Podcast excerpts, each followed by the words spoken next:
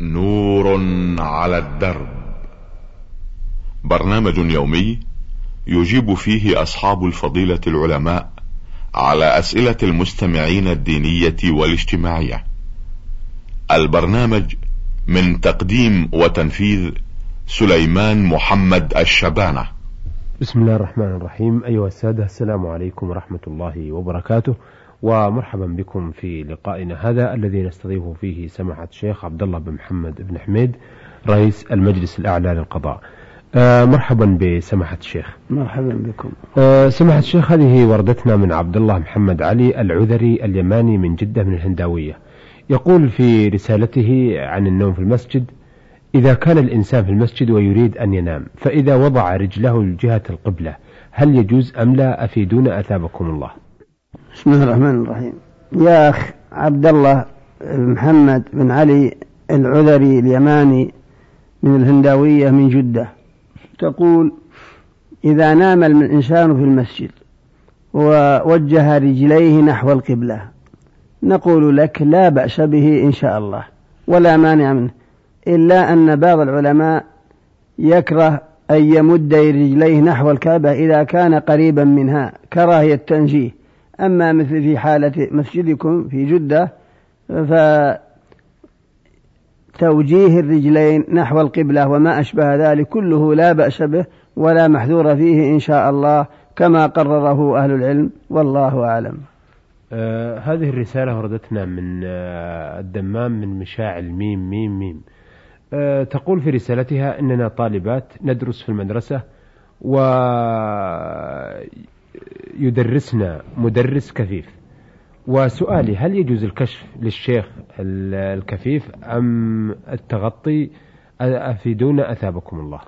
يا أخت مشاعل ميم ميم ميم من الدمام تقولين أنك طالبة في المدرسة وأن الأستاذ القائم أن الأستاذ القائم بتدريسكم رجل مكفوف البصر. فهل يلزم البنت أن تحتجب عنه؟ لا يلزمها أن تحتجب فإنه لا يراها إلا أنه لا ينبغي أن تنظر إليه كما في حديث أعمياوان أنتما.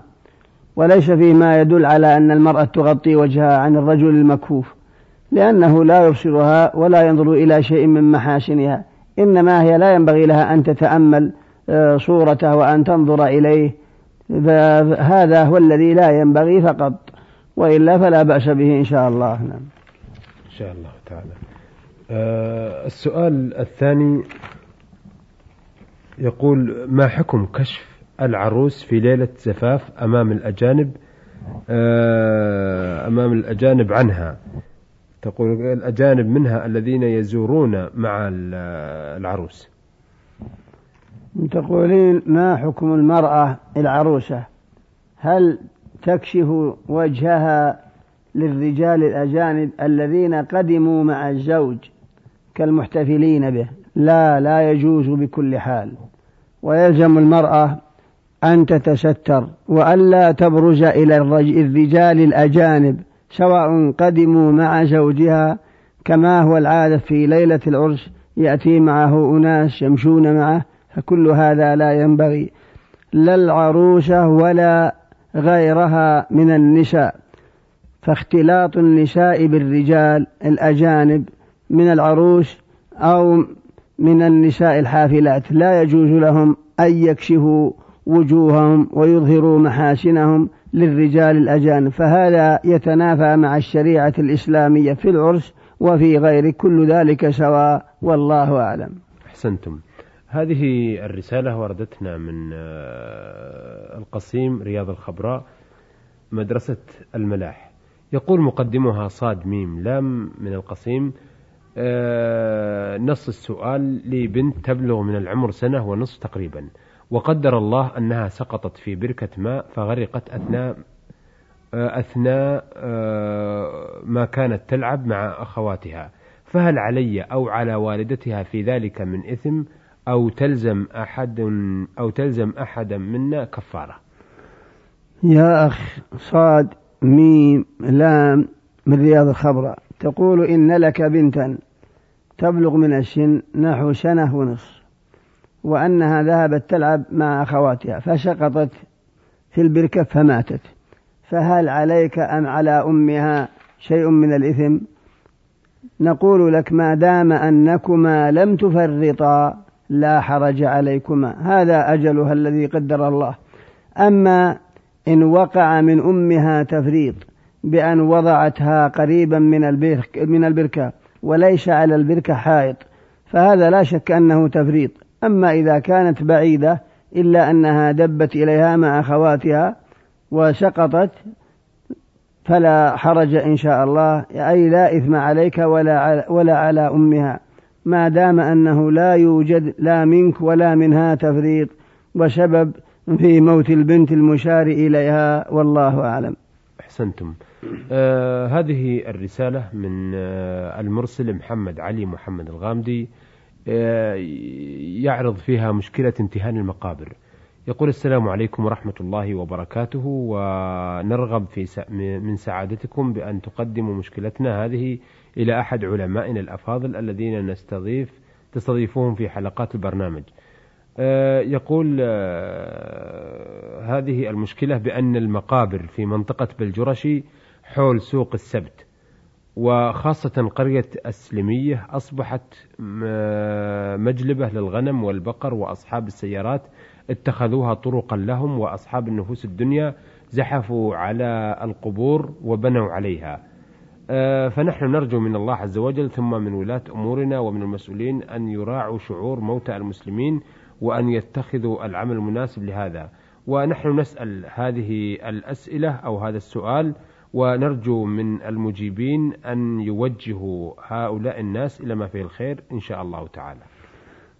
يا أخ محمد علي محمد الغامدي تقول إن عندكم مقبرة في سوق السبت قريبا من قرى السلمية من قرية السلمية وأن الناس امتهنوها وصارت الإبل والبقر والغنم تمشي فوقها وبعض الناس تقدم ببناء إليها. نقول لك يا أخي محمد هذا لا يجوز.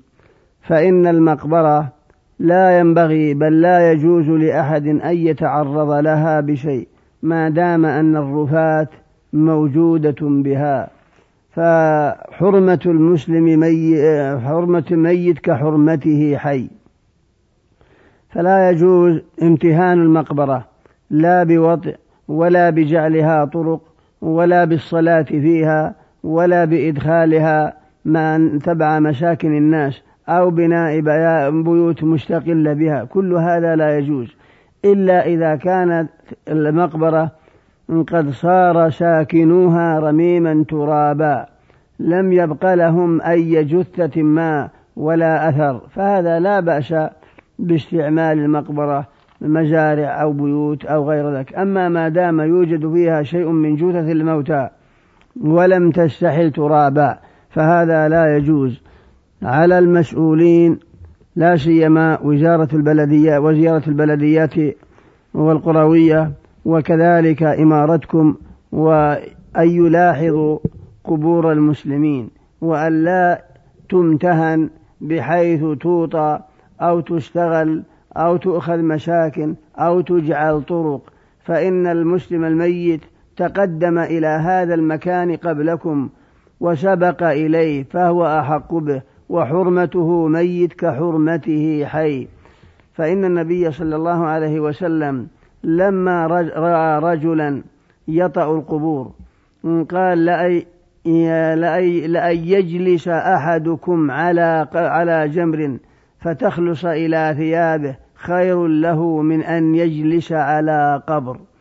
لما في ذلك من امتهان المسلم. فقد ذكر العلماء أنه يحرم التخلي بين القبور ولا يجوز الجلوس على القبر ولا الاتكاء على القبر ولا وطئ القبور بالأقدام وامتهانها. كل هذا لا يجوز والله أعلم. آه هذه الرسالة وردتنا من مدينة الشرائع. يقول مقدمها نايف محسن العتيبي آه ما معنى يا ربي لك الثناء؟ وما معنى كلمة الثناء؟ اختلفنا عند هذه الكلمة فمنا من يقول أن هذه العبارة يا ربي لك الثناء لا تجوز ذكرها لأن لأنه يقول الثناء يدل على ماذا؟ فقصده التكرار أو التثنية والبعض الآخر يقول إنها تصح ذكرها بهذه العبارة لأن الثناء بمعنى الشكر والحمد فنرجو من فضيلتكم إرشادنا لما فيه الخير وفقكم الله. يا أخ نايف محسن العتيبي من الشرائع. تقول ما معنى يا ربي لك الثناء؟ وهل هذا جائز؟ نقول لك نعم هذا دعاء مشروع. فمعنى يا رب هذا جملة دعائية وإن جاءت بحرف النداء. ومعنى لك الثناء أي لك الحمد ولك الشكر على ما أسديت وأوليت علينا من نعم. ألا ترى أن المصلي إذا رفع رأسه من الركوع كما جاء في حديث أبي سعيد قائلا سمع الله لمن حمده ربنا ولك الحمد إن كان إماما أو منفردا وإن كان منفردا قال ربنا ولك الحمد. جاء في الحديث ربنا ولك الحمد ملء السماوات وملء الأرض وملء ما شئت من شيء بعد. أهل الثناء يعني أنت أهل الثناء والحمد. وبعضهم قرأها بالنصب أهل الثناء بمعنى يا أهل الثناء. فهذا يدل على أن هذا دعاء مشروع. فمعنى ربنا ولك الحمد ملء السماوات وملء الأرض وملء الأرض وملء ما شئت من شيء بعد. أهل الثناء والمجد أحق ما قال العبد وكلنا لك عبد. لا مانع لما أعطيت ولا معطي لما منعت ولا ينفع ذا الجد منك الجد. هذا لفظ حديث رواه مسلم عن أبي سعيد الخدري رضي الله عنه وأن المصلي يقول هذا الدعاء عقب رفع رأسه من الركوع بعدما يقول سمع الله لمن حمد ربنا ولك الحمد. فبهذا تعرف أن هذا دعاء مشروع. فإذا قال ربنا لك الثناء أي لك الحمد والمجد والشكر على نعمك فلا مانع من هذا بل هو دعاء معروف والله أعلم. آه، أيضا يقول نايف هل تصح الأضحية أن نخصص بها الميت لوحده أم لا؟ وشكرا أرجو إفادتي.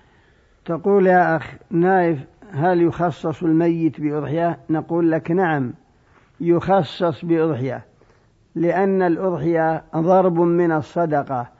وقد خصص النبي صلى الله عليه وسلم أمته بأضحية كما في سنن ابن ماجه وغيره فإنه ضحى بكبشين أقرنين أحدهما عن محمد وآل محمد والآخر عن أمة محمد. يدخل فيه الأحياء والأموات. لكن لو أفرده لو أفرد الأضحية أفرد الميت بأضحية فلا بأس بذلك. فإن الأضحية ضرب من الصدقة. أشبه ما لو تصدقت عنه بمبلغ من المال فالله إذا قبل يصله الثواب. والأضحية مشروعة ذبحها أفضل من الصدقة بثمنها كما في حديث ابن عباس وحديث عائشة وغيرهما من الأحاديث والله أعلم. آه، من المدينة المنورة بعث بهذه الرسالة عبد الرحمن غنيمان المزيني. يقول عبد الرحمن لي أخ من أمي تزوج هل أبي محرم لزوجته أم لا؟ يا أخ عبد الرحمن غنيمان المزيني من المدينة تقول إن لك أخا من أمك تزوج امرأة فهل أبوك يكون محرما لزوجة أخيك من أمك؟ نقول لك لا لأنه ليس بابنه إنما هي زوجة ابن زوجته. فأخوك لأمك هو ابن زوج ابن زوجة أبيك الذي هو أخوك من أمك. فزوجته أجنبية من أبيك.